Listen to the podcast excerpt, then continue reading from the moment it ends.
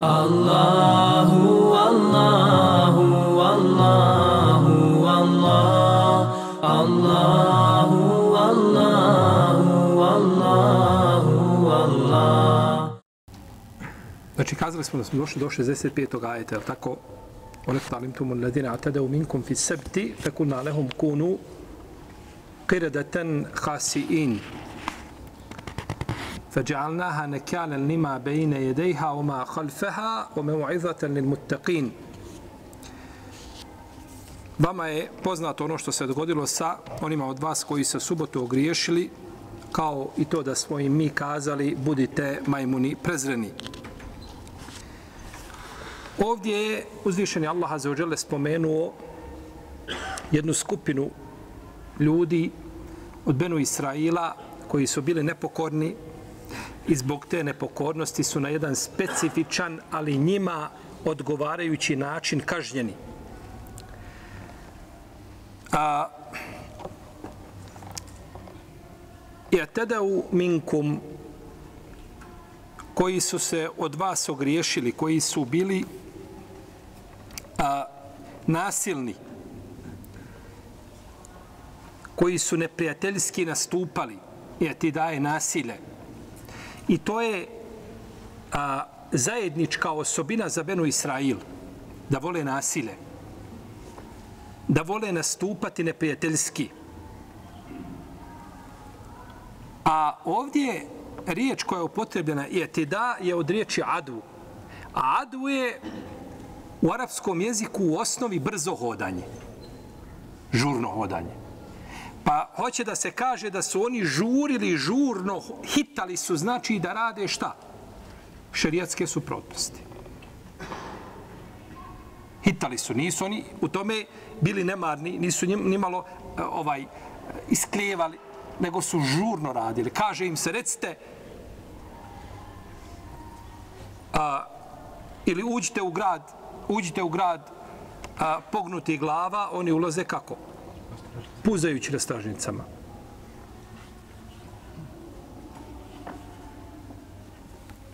Pa su, znači, radili uvijek suprotno onome što im se kaže.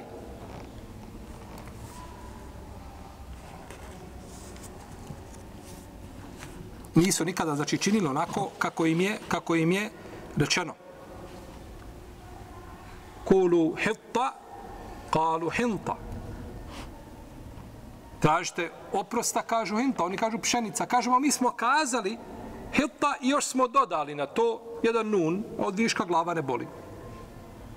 Pa oni, iako u spoljašnosti ponekad pokore se, u stvarnosti nisu pokorni. Tu ima nešto posrijedi. Svojim srcima definitivno, a u samoj toj pokornosti moraju tu nešto izmijeniti, moraju se svojom, njeva strast mora znači imati učešća, u svemu tome. Pa se nisu, znači, pokoravali, nego a, žure, znači, hitaju da čine suprotno naredbama svojih poslanika. Zato su neke ubijali, a druge su u lažu gonili. A, pa i ovdje su tako a, su bili, ogriješili se u subotu. Nepokorni bili kada je u pitanju subota i ono što im je naređeno, znači, u vezi ovaj sa subotom. Jer njima je subota određena kao što je nama petak. Dan koji je poseban, dan ibadeta, da budu što dalje od Dunjalu kada se što više posvete svome gospodaru.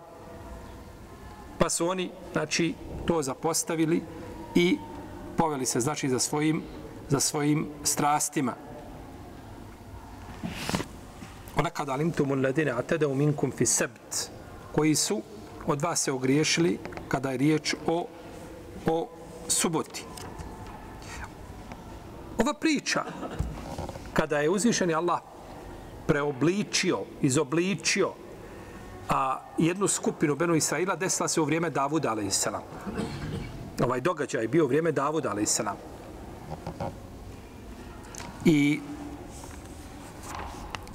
ta njihova nepokornost bila je vezana za zbog njihovog, znači, nastupa kada je u pitanju lov ribe u tom danu. nisu se pokorili naredbi koja im je, koja im je došla.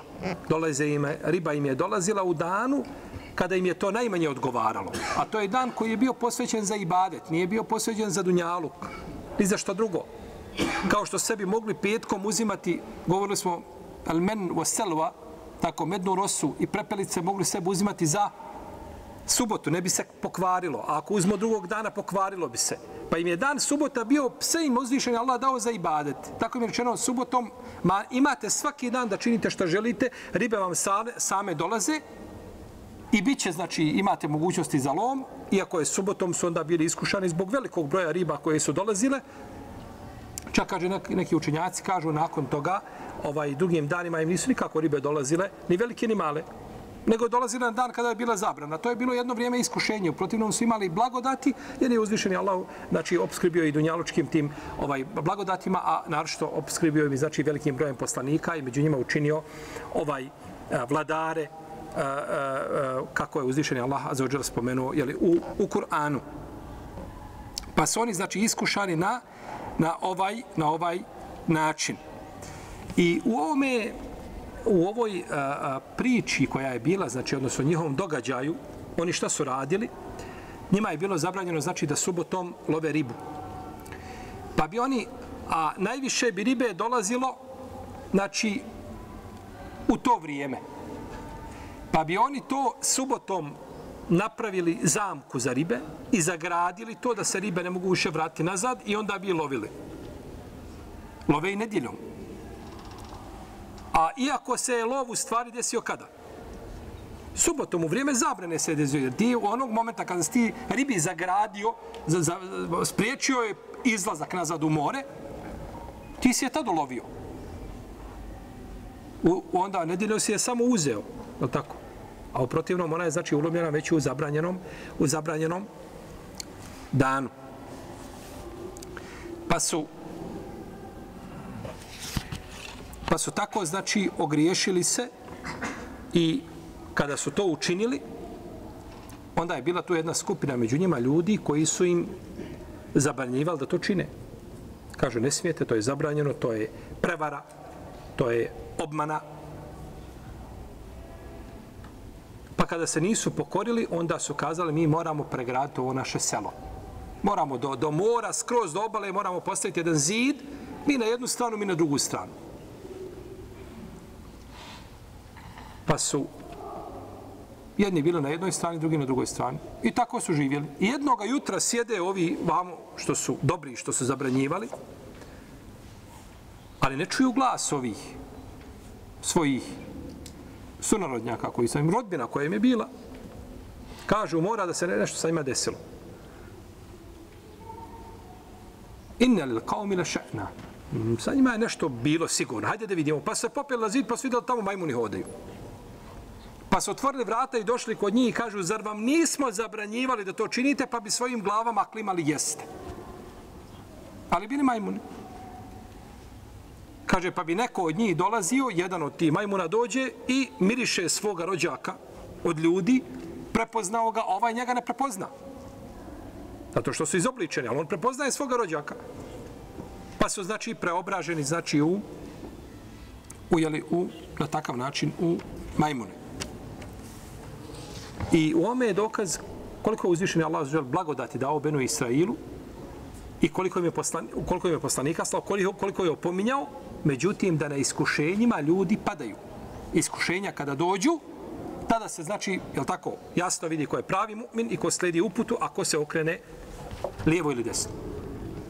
Pa su zbog toga, znači, kažnjeni i preobraženi u preobraženi su u majmune.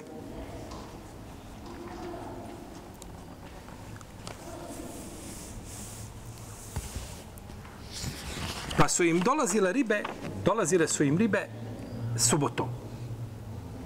Iskušenje znači njima, dođu im ribe subotom, a nema i drugim danima, pa su oni pomislili da mogu, da se to može tako uraditi. Pa su neki od njih radili, pa drugi su šutali i gledali. Pa kada su vidjeli da se prvima ništa nije desilo, kažu možemo i mi. Pa su onda tako je da velika skupina i svi su kaženi osim one koji Ima mišljenje kod islamskih učenjaka, doćemo mu suri Araf o tome, ovaj, da su oni govorili da je to, da je to ovaj, čak da su tri skupine podijeljene. I to je jako mišljenje, da su tri skupine bile podijeljene. Ovdje učenjaci spominju uglavnom dvije skupine u, u kojima su bili, znači Beno Israel, to su oni koji su činili zlo i oni koji su im šta? I oni koji su im zabranjivali.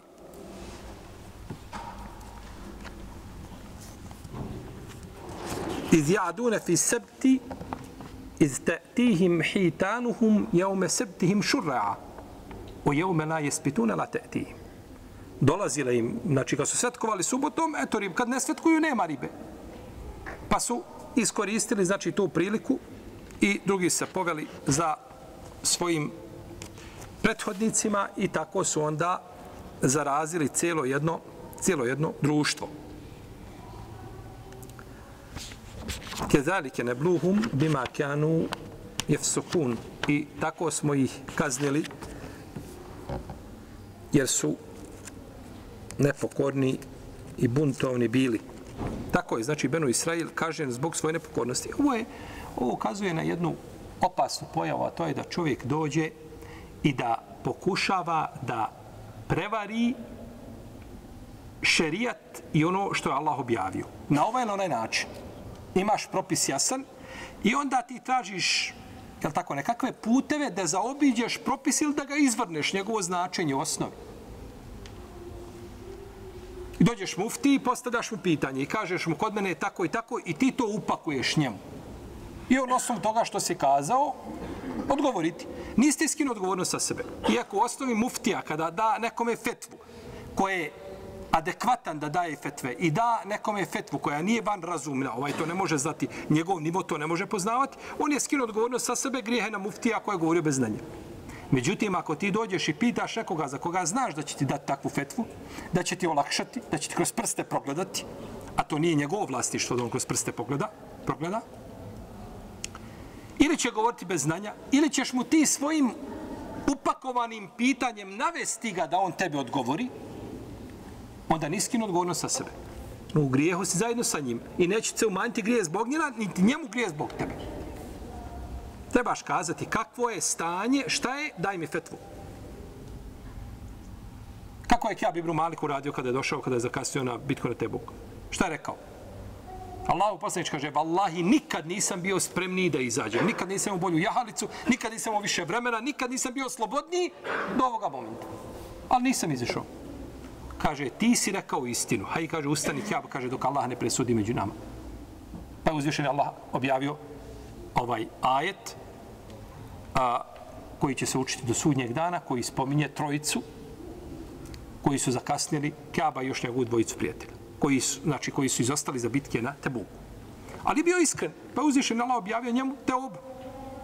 I odnosno objavio oprost njega, te barake od Kjabu. Pa čovjek treba znači kazati kako je, a ne govoriti znači suprotno onome što što jeste pa da na takav način znači navede nekoga da mu da pogrešnu jeli, fetvu.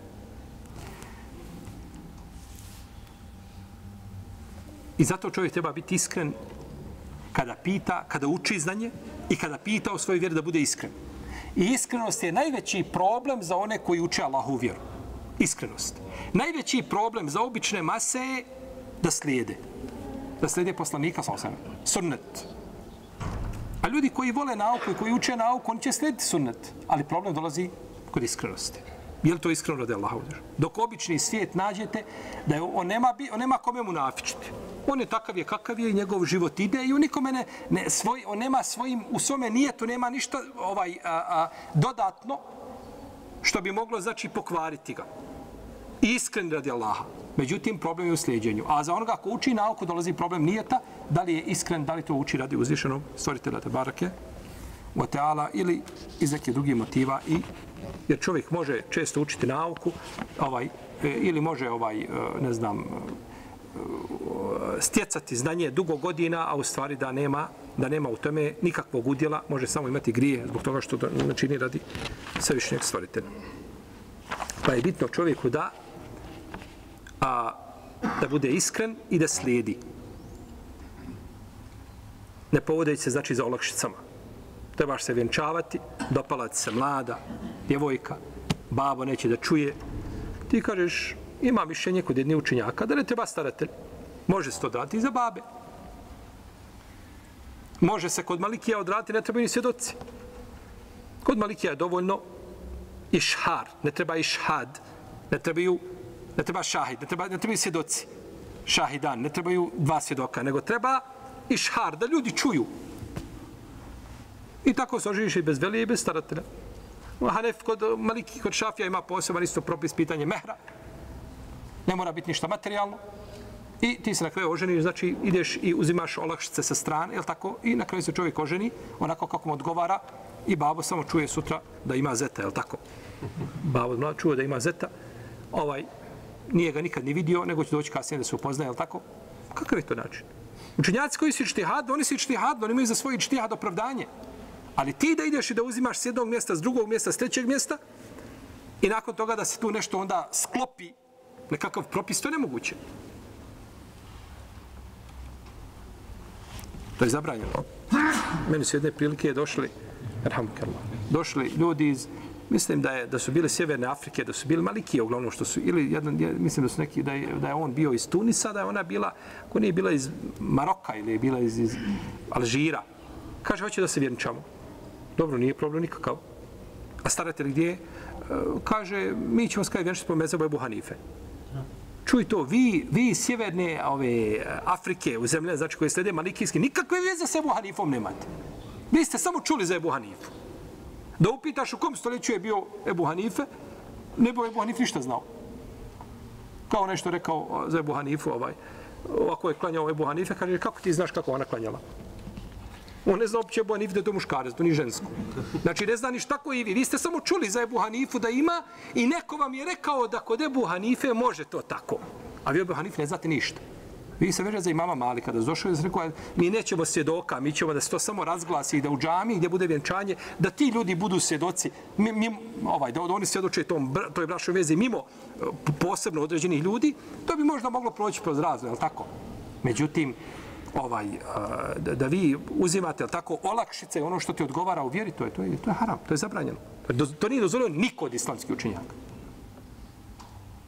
čak jedan sakupio u Mamel Bejhek je zabilježio da je jedan e, sakupio sve olakšice od učenjaka, ne olakšice koje su vezane, nego olakšice koje se tiču eh, promašaja učenjaka i greški koje su napravili. I sve to sakupio u jednu knjigu. Pa halifa pitao, kaže, ko je ovo sakupio? Kaže, Ovo je, kaže, zindik. Ovo je izišao van okvira islama što ovo sakupio. Spalte, kaže, tu knjigu. Pa naredio redu se spali. Hvala kad je spaljen.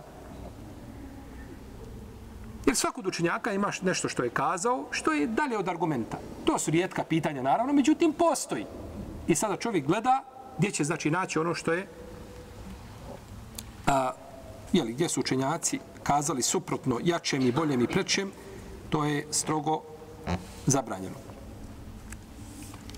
Pa je Benu Israil, njih, je, njih spajaju nekoliko osobina zajednički. Sastavili su pri sebi osobine koje su ovaj musibeti. Sastavili su pri sebi zvuln, nepravdu. Sastavili su pri sebi griješenje, fisk. Sastavili su pri sebi, ovaj, etida što smo spomnjali, a to je šta? Nasilje koje imaju, neprijateljstvo koje pokazuju prema ljudima. Spojili su džehl, oni su spojili skupinu tih osobina i naravno, jeli, nakon toga ne možeš onda očekivati od njih, znači, nego da a, čine zlo. Jer čovjek, vjernik, je ako učini zlo, on, kada učini zlo, osjeti tegobu svoj, svojim prsima. I želi da se pokao što došlo u hadisu imama Ahmeda, en ne da mu teube kada ti prsa izgaraju od teš, tegobe zbog toga što si grijeh učinio, kaže to je teoba. To je samo po sebi teoba. Da ne kažeš estagfirullah, iako čovjek treba kazati, ali sama ta muka koju ostiš tegoba, zašto sam to uradio, to nisam smio uraditi, to je dokaz da pri tebi ima hajra. I zato došao od kod imama Ibn Hibana i kod imama Hakima i, i ovaj, e, kod imama Ahmeda, da je poslanik, sam rekao, a i da sarretke hasenetuke wa Esaetke se fente mu'min. Kaže, ako ti je drago kada učiniš dobro djelo i te gobati kada učiniš loše djelo, kada ti si mu'min. Jer samo se mu'min raduje dobru i, i, i ovaj žalosti ga zlo. Pa čovjek može učiniti grešku, ali u osnovi nije znači taj koji je za razliku od ljudi koji spojili sve ove osobine, kome je znači ovaj sijanje nereda po zemlji i fesada, to mu je osnova i to mu je znači to, mu, to, su, mu, to su mu prioriteti. Kaže Hamad ibn Seleme ovo izobličavanje koje je spomenuto izobličavanje ljudi. Kaže ono počinje postepeno. Počinje prvo izobličavanje iz čovjekovog srca. Prvo mu se srce počne izobličavanje on to ne primijeti on je li, likom, on je lijep. Ali srce prvo počinje s njegovim potiranjem se počinje, pa onda to ide stepen po stepen dok se njegovo tijelo se ne preobrazi u nešto drugo. Jer onaj ko može doći, ovaj, uzeti, ne znam, sablju i sjeći sebe po leđima i udarat sa lancima i hodat po vatri, ima deset metara vatra, se užareno treba preko toga polako prići, eto da pokažeš ti, ne znam šta. Iman, vjerovanje, poslanik se udarao lancima, djecu uzmeš dijete malo i moraš mu glavu narezati da mu krv curi sva da bi ti pokazao eto kako je to ovaj krv te, te obe pokajanja. Ne znam šta, šta ti ime radiš. Ili čovjek može ući u porodicu poubijati, silovati, zapaliti i tome srce nije izobličeno pa ovi što su ove ove majmuni ovi oni su oni su ovaj kulminacija civilizacije i napretka za takve ljude Jer danas čovjek može činiti ono što hajvan ne bi uradio. I to se vidi danas šta se dešava na Dunjaluku i šta se čini. Ništa, ništa više čovjeka ne može zanati kad vidi. Pa je to izobličavanje počinje od srca. I onda na kraju tijelo kada bude izobličeno, to je samo rezultat onoga što je u srcu. Uprotivno, to izobličenje u srcu je puno opasnije nego tijela. Izobličenje tijela. Samo što mi ono što vidimo, to smatramo šta? Ružnim. Tako. Kada bi neko prodavao svoje organe iz tijela, kaže, ma nije to lijepo. Dobro. Šta misliš kad bi on sebi otkinuo ruku i prodao svoju ruku? Šta bi onda rekao? Ne bi samo rekao nije lijepo. Zašto? Zato što ti to vidiš. Ovo nisi vidio i ovo ne vidiš da mu nešto fali u njemu. Kada umre, povode ga svega, ali tako prodaju se organi, trguje se sa tim čovjekom i ti to kada čuješ, kaže, ja to ne bi dozvolio. A da kažeš, čovjeka su iskomadali, pa mu jedan kupio od njega glavu, drugi kupio ruke, treći noge, ne bi tako govorio. Osuda bi bilo puno već zato što to vidiš. A to ništa, to nikakve razlike nema. Čovjek srce kada je crno, onda nema sumnje da se to rezultira, znači ne, ovaj, i, e, reflektirati na njegove znači, organe i da će pokazati se znači na njegovom na njegovom tijelu.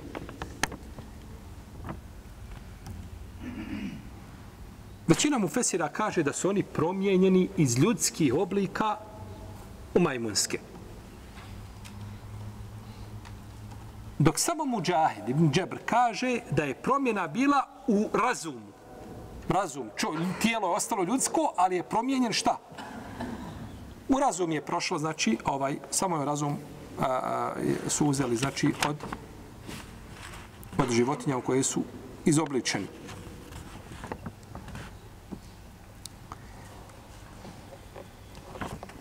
Pa čovjek može ići, braćo, sa jednim od dva puta. Imate put kojim naginju i kojim idu meleki. A imate put kojim idu šeitani. Trećeg puta nema. Možeš biti dobar i loš. Nema nešto između. Pa onaj ko, ko sledi Allahovu uputu i ko sledi njegove propise, taj naginje putu meleka. A onaj ko sledi svoje strasti, on naginje sigurno onome putu koji će znači izazvati nedaću i nevolju pod njega, znači na sudnjem, na sudnjem danu. Imam Nesai je zabilježio svome Nesai zabilježio svome sunanu od eh, Safan ibn Asala kaže, došli su, došao jedan jevrej kod svoga prijatelja i kaže, hajde sa nama, hajmo kod ovoga poslanika, da ga pitamo nešto. Pa mu kaže, nemoj, kaže, reći poslanika. Ako kažeš poslanika, ako on to čuje, kaže, imaće četvere oči. Arapi kažu imaće četvere oči, mi kažemo, dobit će krila. Imaće vjetar u leđa. Oni kažu imaće četvere oči. Znači, bit će, to će za njega biti nešto veliko kada ti njemu potvrdiš da je on šta? Poslanik. Dobro, hajmo, kaže. Pa su došli, pa su ga pitali o devet ajeta i devet znakova zabrane koje izbili, pa kaže da se ne Allahu širk ne čini i da se ne krade i da se nemoral ne čini i da se ne, ne ubija osoba a, koju nije dozvoljeno ubiti. I da se čovjek ne prepusti vladaru, a on nije kriv, znači da ga bespravedno kažnjava u zatvor, trpa i slično tome, da nemojte se baviti, kaže, sihrom i nemojte jesti kamatu, nemojte potvoriti čednu vjernicu za nemoral i nemojte bježati sa bojnog polja i kaže posebno za vas nešto, nemojte se ogriješiti u subotu. Pa su ustali, poljubili ruku i nogu poslaniku, sa osaname, i kažu, tako je, kaže, svjedočimo da si poslanik. Pa kaže, što mene slijedite? Kaže, ako bi, kaže, drugi saznali da smo, da smo i te počeli slijediti, kaže, oni bi se nama osvetili. Pa zato te ne smijemo, pa zato te ne smijemo slijediti. Pa su dolazili, pitali poslanika, iznenadna pitanja, iznenada mu pitanja poslali Muhammede, šta je to prvo što će ljudi jesti kada uđu u džennet? Nema tu odgovora. Prvo, to je nešto, da ti je nekao rekao šta ćemo jesti sutradan, ne znam, tamo negdje u, u nekakvom selu, zna se, bilo je, šta je tad bio? Bio je hleb, ulje, maslinovo, je tako? Moglo je biti meso, nešto, moglo je biti, znači, e, imaš par hrana koje se jedu, možeš pogađati. Šta ćemo prvo jesti kad uđemo u džennet? Znači, iznenadna pitanja, pitali i odmah su dobivali odgovor. Pa kažu, sad mi je, kaže Džibril, došao sa odgovorom da vam kaže. Ha. Pa, pa im je odgovarao, znači, poslanik, sa osaneme, na njihova pitanja koje su pitali. I znali su, znači, da je on poslanik. Međutim, a, bilo je oni koji su govorili, ti, ti, ti si poslanik, kome? Neukima, tako? A nisi poslanik nama. Iako je ko prihvati poslanstvo Muhameda s.a.v. mora priznati da je on poslanik svim ljudima, u protivnom ne vredi da prizna da je on poslanik, znači jednom, jednoj skupini uzvišenja Allah kaže Omar srnake ila kja feterninas. I mi te nismo poslali, nego cijelom čovječanstvu. Za razliku, znači, od ostalih poslanika. I doćemo više od do ovoga rivajeta. E, imam tirmizi ovaj rivajet ocjenio ispravnim. Šeh Albani mu je prigovorio. I doćemo u suri, a, u suri, a, autor kaže, doćemo u suri Subhan. To mislim na sura Al-Isra. Jer sura Al-Isra ima tri imena. Suretu Beni Israil, suretu Al-Isra i suretu Subhan. To su tri imena koja su, jer, jer sure u Kur'anu se ne mogu nazivati nego kako su nazvane ovaj, kako je poslanik nazvao ili kako je došlo da sahaba je slično tome. Znači, ne treba sure iz Kur'ana se ne mogu nazivati, nego znači ovaj imenom ne smiju ljudi znači e, izmišljati imena sura dodatna. Nego ako je nešto spomenuto, znači da je to ime ili jedno od imena sure, da se tako znači nazove u protivnom, znači tu nema pravo, nema učešća niko, znači da, kao što nema učešća da je čtihadi u poredku ajeta u, u, u suri. Poredak ajeta u surama je teukif. To je znači došlo tako u pro, tako je poslanik, kada mu je objavljeno, tako je rekao, taj ajet stavite na tom i tom mjestu u toj i toj suri. Nema to znači da, da se mogu dva ajeta zamijeniti ova mjesta a ne mogu se čak ni sure, poredak sura u Kur'anu se ne može mijenjati. Mislimo da, da mi sad uzmemo Musafu, da drugo je nešto učenje u namazu. To je drugo. U namazu kad promijenio čovjek ne bi smetalo, nije to ovaj da uči prvo jednu suru, jeli, pa onda uči ona koja je ispred nje po poredku. Ali ne smijemo mi u mushafu poredak taj izmijeniti. Poredak znači mora ostati, poredak znači sura mora ostati uvijek isti. Pa nisu prihvatili znači poslanika sa osreme i nisu ga, nisu ga slijedili. Islamski učinjaci se razilaze kada neko bude izobličen. Da li ima potomstvo?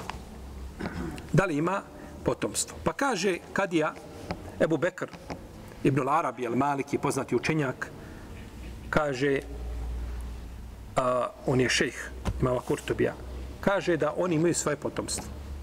Da oni imaju svoje potomstvo. Za razliku od većine učenjaka koji kažu da nema potomstva. Kažu nema onaj ko je kažen nakon toga i izobličen, on nema potomstva, nego živi tri dana. Kaže a, Ibn Abbas, onaj ko je izobličen, može maksimalno živjeti tri dana. Neće jesti, neće piti. A kaže Ibn Atije, Elendelusi, u svome tefsiru kaže, potvrđeno od poslanika, sa osaneme, da je rekao da onaj koji je izobličen, da ne jede i da ne pije i da neće živjeti više od tri dana. Ovo što je rekao Imam Ibn Atije, vjerovato da negdje ima hadis. Ja nisam uspio naći hadis koji govori da ima tri dana, znači da će živjeti taj tri dana koji je izobličen, da može živjeti tri dana. Možda ima negdje predanje, ne znam, ovaj, to ovaj ostaje pitanje da da se vidi, da se provjeri, ali a, hadis kao hadis, to ima od Ibn Abbas, ima od nekih tabina, tačno. Ali kao riječ poslanika, sa vam ne znam, treba provjeriti. Je to od Ibn Abasa došla od tarikom e, putem onoga Mujahida ibn Džebra i došlo je od, od, od Bahaka ibn Muzahima i od drugi od, od Ibn Abasa. I to od Ibn Abasa potvrđeno. Međutim, od poslanika, sa osreme, to koliko znam, nije potvrđeno, a uzvišen je Allah opet najbolje zna. A, I ovo je ispravnije mišljenje da, čo, da, da narod koji je, koji je izobličen da nema potomaka. Nema potomaka. Dobro, međutim mi imamo hadis kod muslima u sahihu da je poslanik sa osaleme rekao izgubio se jedan, jedan umet, jedan narod od Benu Israila ne znam šta je sa njim bilo. I kaže, ne smatram ništa drugo nego da su preobraženi, izobličeni, a, pretvoreni u miševe. Zar vidite, kaže, kada mišu donesete, a mlijeko od deve neće da pije, a hoće da pije mlijeko od ovce. Kaže, ne vidim ništa drugo nego da su preobraženi. I ima drugi rivajet da je poslanik sal osaleme odbio da jede isto kod muslima u sahihu a, el dob, to je jedna vrsta guštara poznatog pustinskog, kaže kaže ne znam možda je kaže od onih umeta koji su izobličeni bio čovjek pa pretvoren šta? Bog nepokornosti. Ima kod Buharije rivajet od Amra ibn Mejmuna da je rekao vidio sam kaže u džahilijetu a vidio sam kaže u džahilijetu majmunicu da je počinila nemoral, kaže pa su je majmenu, majmuni kamenovali. Pa su je majmuni drugi kamenovali. Ovo je došlo kod Buhari u Sahihu. Imam uh, El Ismaili, Ebu Bekr, Kadija, navodi ovaj rivajet u jednoj široj verziji. Kaže, bio sam, kaže, i vidio da majmun spava na ruci majmunice, djevojke mlade. I kaže, dođe drugi majmun i dirne. I ona se izvuče polako, ruku izvuče i ode s ovim. I onda se nakon toga vrati ponovo i ponovo ruku da stavi ispod pod glavu, jeli? Ovaj majmun kod koga je bila. Pa je, kaže, ustao i pomirisao je I pozvao druge majmune, kaže, pa su došli, pa su je, kaže, kamenovali, kaže, i ja sam i kamenovo, kaže, sa njim. To je širi jedan ivajet. Ovaj, kod, osnova je spomenuta kod Buhari u Sahiju. Naravno, kad čuje čovjek ovako rivajete koji ne zna, ne zna niko kako su hadisi učac prenosile ovaj rivajete, odma to ovaj stavi pod veliki upitnik, a ima i oni koji kažu, kao nešto kaže, kaže ovaj rivajet, kaže ne može povjerovati u njega, kaže glupak koji je vidno glup. Da ne samo da je glup, nego on je vidno, se, sa kilometra se primijeti da je glup. To kaže, samo mogu, kaže, povjerovati takve rivajete. Znači, on je ovim riječima optužio imama Buhariju. Zašta? Zato što ga je optužio optužio je sve koji su komentar dal na Sahihul Buhari. Optužio je imama Ebu Sulejmana, Ibn Khattaba. El-Hattabija. Optužio je imama Ibn Rađepa, optužio je Ibn Hadžara, i imama Lajnija, optužio je imama eh, uh, Ibn Mulekina, uh, eh, Ibn Džauzija, Ibn Kesira, imama Neovija, uh, optužio je Sidik Hasana Hana, imama Sindija, optužio je skupinu učenjaka koji su dali Kastalanija, ima svoj komentar Iršadu Sari u 14 tomova, sve koji su dali komentar, Ibn Rađeb da je završio komentar, Buhari je bio u 100 tomova a nije ga uspio završiti, umro je prije toga. Samo ima jedan dio u 10 tomova je štampa. To ne može povjeriti ko? Osim ludak koji je vidno lud. A ovi što su ljudi komentar davali, niko harfa nije progovorio protiv tog rivajeta. U tom rivajeta je rekao, uf, da se Allah smiluje Buhari šta zabilježi u svom sahihu. U nekim nushama je, u nekim primjericima je zabilježen, u nekim nije zabilježen. Međutim, u osnovu ovaj hadis je prisutan. Ibn Hajar je o tome govorio, znači u Fethul Bari odgovorio na tež ovaj, ovaj, sumnje koje se ubacuju u vezi tog rivajeta, kaže da je to neko ubacio u Buhariju. Nije bilo igranja sa Buharijom. Buharija je kroz generacije prenošen, ima lanac prenosilaca ovaj, a, a, a, određene, znači primjer kako je prenešen. I zato imam Ibn Hajar kad govori tamo, on spominje, znači, rivaje taj, rivaje taj, rivaje taj, koji su prenešeni, znači, koji su provjereni. Pa je a, ovim optuženo, znači, optuženo je više od 60 učinjaka koji izdali komentar na Sahih Buhari. Da su ludi. To se bi ljudi danas dozvole. Nije ni namirisao ništa od hadijske nauke, a optuži najveće imame umeta, što su prešutali, jeli? Amr ibn Mejmun je tabin. Iz nacije tabina. Nije ashab. Što nisi rekao ovako? Hoćeš ti da one... Možeš kazati, Amr ibn Mejmun je pogriješio u tome kako je to sve shvatio. Je u redu? Nemoj optuživati ti Buhariju da, to, da je to Buhari. Buharija nema ništa sa Buharija, ima sa lancem prenosilaca do priče. Kaže, ovo je prenešeno od povjedljive osobe, ovaj Amr ibn Muna, on je bio čata Omara ibn Abdelaziza. I on pripada velikoj skupini tabina. On je zabilježio, od njega je zabilježeno da je bilo tako, i evo vam lanac. Ti kaži, vjerovatno da to Amr, da je on to doživio emotivno, ako već moraš da... Reci, emotivno je to Amr doživio, nije to bilo tako, on je to tako shvatio, možda njegovo shvatanje nije bilo. Ibn, Ibn Abdel Bar, vidite Ibn Abdel Bara, Ebu Omara imama ummeta koji je on što je učinio za malikijski mezheb i što je učinio imam Ebul Husein El Bejheqi za, za šafijski mezheb, to se ne zna da je jedan učenjak učinio za svoga. I zato kažu, šafija je dužan imamu El Bejheqiju. Tako zgovor, šafija je dužan Bejheqiju. A kada bismo kazali da ima Malik dužan Ibn Abdelbaru, ne bismo pogriješili. Kaže Ibn Abdelbaru, kada je ovu priču, kaže, ako je ova priča potvrđena, kaže, onda se radi o džinima koji su preobraženi u šta? U majmuna. Jer, kaže, propisima su vezani, kaže, zaduženi džini i ljudi, kaže, nisu zaduženi ko? Vidite alima kad osuđuje alim i vidite vamo jednu drugu sliku koji kaže šta? Samo ludak, ovaj, bez premica. Ibn kaže, može, postoji mogućnost. I onda imam Buharija ovo spomenuo, nije ovu priču spomenuo uopće, spomenuo u odlikama, u Fadailu, a nije spomenuo u, u, u poglavlju širetski kazni. Pa imam Buharija ničim tu nije dokazivao šta? Propis. Nego je spomenuo kao priču Hekjaju koji prenosi jedan tabin, koji je tako to doživio.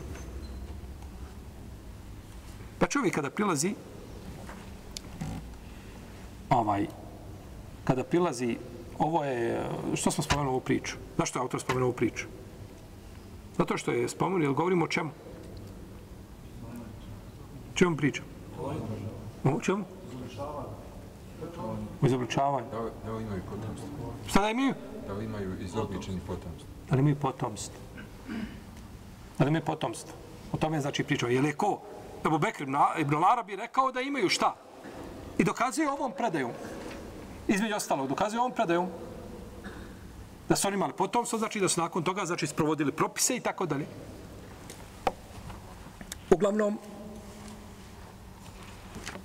a, na ovakav način pristupiti i poricati predaju, a nije ispravno definitivno. Pa je Salah smiru ibn Abdul koji je ovaj na lijep način pisao, ne mora znaš da je u pravu, ali je to nastup alima koji ne nastupa emotivno. On sjedi kod kuće uz kapućino i televizor i gleda, vrti po Buhari i nešto vidio tamo i nikako mu to ne, ne godi mu to. Ne godi mu to, u tom vaktu mu ne godi. Nije to način pristupa predanjima i, i, i, i, i hadisima, nego trebaš otvoriti živi bio knjige pa pogledati što su kazali i šta hadijski stručnjaci, pa ima neko da je nešto, pa da se pročitao par tih komentara, rekao bi subhanallah kako to islamski stručnjaci lijepo poredaju, da ti izbiju bilo kakvu sumnju koja ti je kolala tvojom glavom, nego naravno kada čovjek je tako ovaj e, bez osnovno znači predznanja uđe ovaj u a, precizne znači detalje hadijske nauke, onda se desi je li ovo o čemu govorimo. Dobro. Imamo ovdje predanja, ali imamo problem onda sa predanjem vezanog za miša i za, i za, i za guštara. Kaže poslanik da su oni, miševi, kaže su, narod koji pred... Evo, kaže, sad ovim miševima kad da šta? Mlijeko piju, mlijeko od, od, od, od ovce, a ne piju mlijeko šta? Od deve. A nisu definitivno u njihovo vrijeme, nego to su znači miševi koji su. Ovdje se u rivajetima kaže u jednom i drugom, kaže ja smatram da su oni. Ne smatram ništa drugo nego da su. Poslanik rekao ja smatram, a nije rekao šta? Oni su ti, da je poslanik rekao oni su izobličeni, to je završeno. Međutim, kaže ja smatram. Poslanik je pretpostavio sam. I zato imam Tahavi u svome dijelu Šerhu Muškile Lasar. Ima dijelo koje je stampano u 16 tomova kome je šej Švajb, rahimehullahu ta'ala, koji je prije par dana preselio radio tahkik. On je inače bude u četiri toma, a on kad je uradio tahkik ispalo je u 16 tomova. Ulika knjiga. To je, to, to je knjiga koja govori o hadisima koji imaju prividnu spoljašnju tu, tu kontradiktornost. Pa je spomenuo, kaže, to je tako rekao poslanik, sa osvrame, dok mu nije objavljeno kasnije da oni nisu izobličeni. Dobro, imam tahavija. A šta ti je dokaz živio? Ne može tako. Daj nam dokaz. Zašto? Pa zato što je u pristu poslanika sa svem da su ponudili doba da jede, pa je on sustegao se, nije jeo. Kaže, Allah posjeći, je, je haram jesti dab, e, tu, tu život, e, tu guštara? Kaže, nije, kaže, ja ga ne mogu. Ne mogu ga smisliti. Tako ima čovjek neku hranu, ne može dok vidi, neko dok vidi zeca skuhanog, gotovo. On više dva dana može ište jesti. A zec je halal definitivno. U vrijeme poslanika su ga uhvatili za Enes ga ganju i uhvatio, uhvatio zeca. Lav, lav uhvatio zeca. Enes ibn Malik. Pravi lav.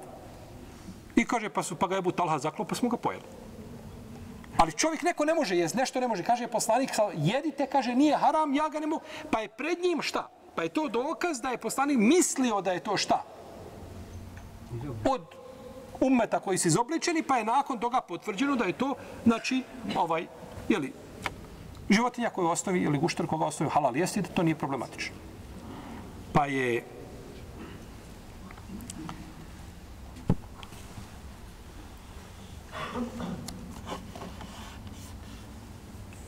Ovo bilo znači samo mišljenje od poslanika, sa osvijem nije ga pripisao šerijatu, kao što je mislio da je za ono, za kalemljenje palmi, jel tako? Ja kažem, mislim da to meni ima nikakve koriste. Allah poslanič kažu, pa ima to, to i to. Kaže, onda radite.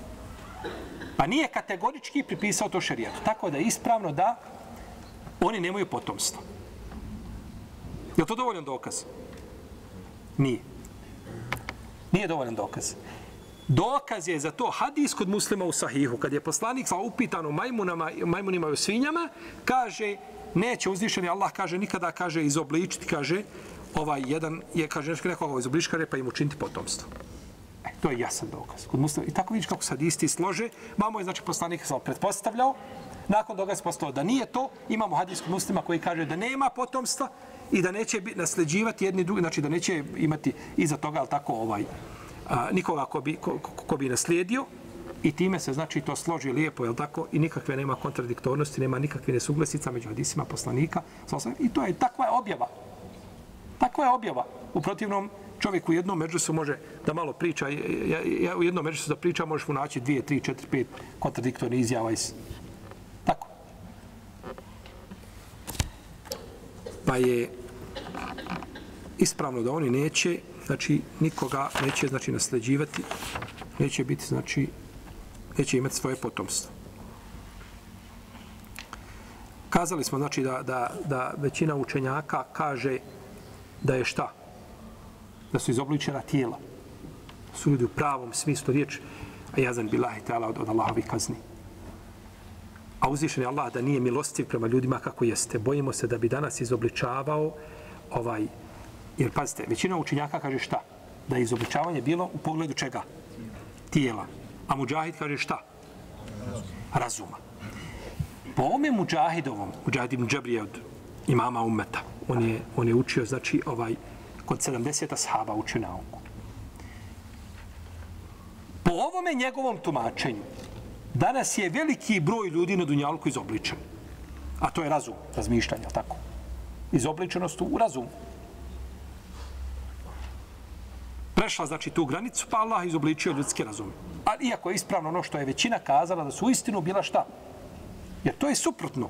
Suprotno je, znači, onome, jeli, što se spominje u Kur'anu, znači da su izobličeni, ko? Da su izobličeni, znači oni, da su izobličena njihova tijela.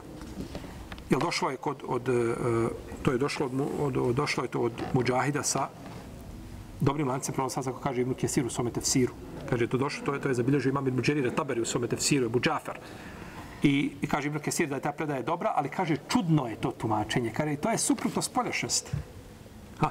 Fekulna lehum kunu kiredeten hasiin, pa smo im rekli, budite majmuni prezrani. Ha.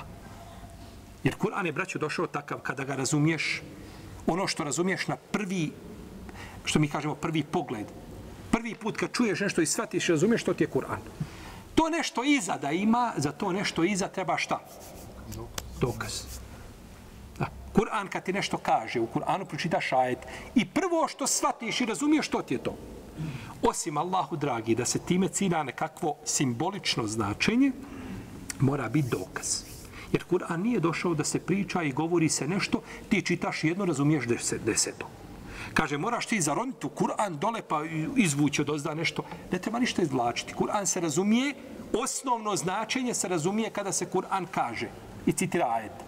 A dodatno značenje nekakvo za to treba ili pojašnjenje iz hadisa ili iz, iz tefsira ashaba i slično tomu. Pa je ovdje rečeno šta? Budite majmuni prezreni. Znači, budite majmuni. I u tome, znači, nema nejasnoće, iz toga većina učenjaka nije prihvatila tefsir imama a kog? Kog imama? Mujahida. Nisu prihvatili tefsir Mujahida. Kaže, فَجَعَلْنَهَا نَكَالًا لِمَا بَيْنَ يَدَيْهَا وَمَا خَلْفَهَا وَمَوَيْذَةً لِلْمُتَّقِينَ Pa smo, kaže, savremenicima i pokoljenjima njihovim to smo učinili opomenom i poukom onima koji se Allaha boje. Ovu priču koju je uzvišen Allah kazao, on je to učinio opomenom a, opomena ko su ovdje opomena? Oni koji su činili zlo i oni koji su prešutili, braćo, zlo zlo to kad u srcu bude čovjeka. Zlo je, govorili smo, ako smo govorili o onome, izobličenju srca. Prvo izobličenje je srca da, da je tebi grije onako, da ga simpatišeš. Vidiš grije i ti onako smješkaš se, ono sve ti nešto potamanti. To je prvo izobličenje srca. Drugo izobličenje stepen veći od toga jeste kad ti sobom uradiš taj grije. E gotovo, tada je srce već garavo, crno. A kad ga ohalališ, onda nemaš srca. I nemaš ni vjere. Kad čovjek ohalali grije, da man ga ne činio, kaže, ah, i to, to je, nikakvih problema nema. To da čovjek ode, digne kamatni kredit i plaća kamatu, uzima kamatu, ništa o kamati nema, nema grijeha nikakvog. Tad nemaš ni srca. Ni srca, ni vjere, ni dina. Jer si ohalalio, haram. Pa sto stepeni u potiranju čovjekovog šta? Srce. Samo uzvišen je Allah učinio srce u grudima pa da ga ne vidimo kakvo je. Ovaj.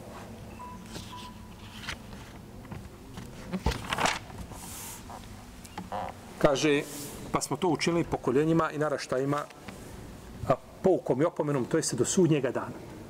Pokoljenja koja dolaze do sudnjeg dana mogu ovu priču uzeti kao opomenu sebi nemojte da bude sa vama isto kao što je bilo sa sa Benu Israilom.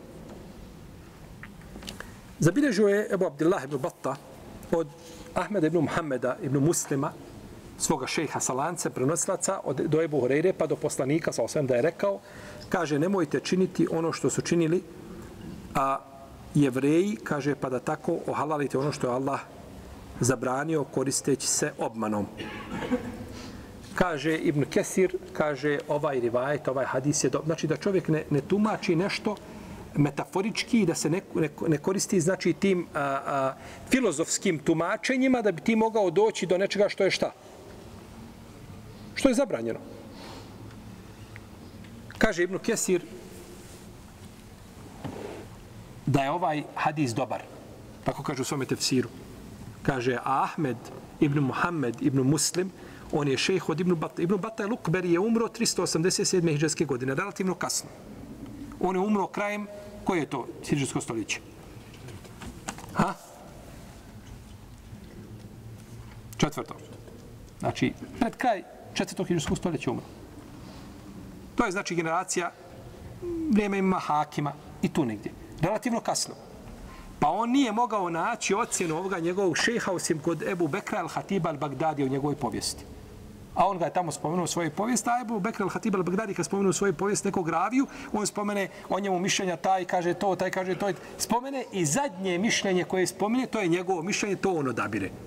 On nije to, on je, nije to, on je to znači odabrao bez spominjanja, jer to je njegov menheđ, znači njegov put u njegovoj velikoj povijesti koja je štampana u 23 toma koja govori o povijesti grada Bagdada. Da Allah sačuva Bagdad ehlu sunnetu al džematu. Jer ako dođe u ruke zločinaca koji su izmijenili ono čime je došao poslanik sa osrame, neće biti u njemu hajra. Pa imam Ibn Kesir ocijenio ovu predaju dobrom. Gdje je poslanik sa osrame zabranio da ljudi ohalale ono što Allah zabranio. Kako si ohalalio? Zato što stoji tako, promjeniš mu ime. Kamatu nazoveš korist. Kaže, oni daju korist. Mjesečno ti daje korist. Nije to korist, to je štetu ti daje. To je šteta. Ako smiješ kamati promijeniti ime, onda mjesto kamati kaže šteta. Ne smiješ nazvat korist nikako. Pa promijeni ime da bi nešto, jeli, ohalalili i da pouka bude svima koji dolaze nakon njega, pouka će dobiti svim bogobojaznim ljudima do sudnjega, do sudnjega dana, da ne bi prelazili znači Allahovu granicu, pa da ih pogodi ono što je pogodilo Benu Israilu. Potom je uzvišen Allah te barake o teala spomenuo priču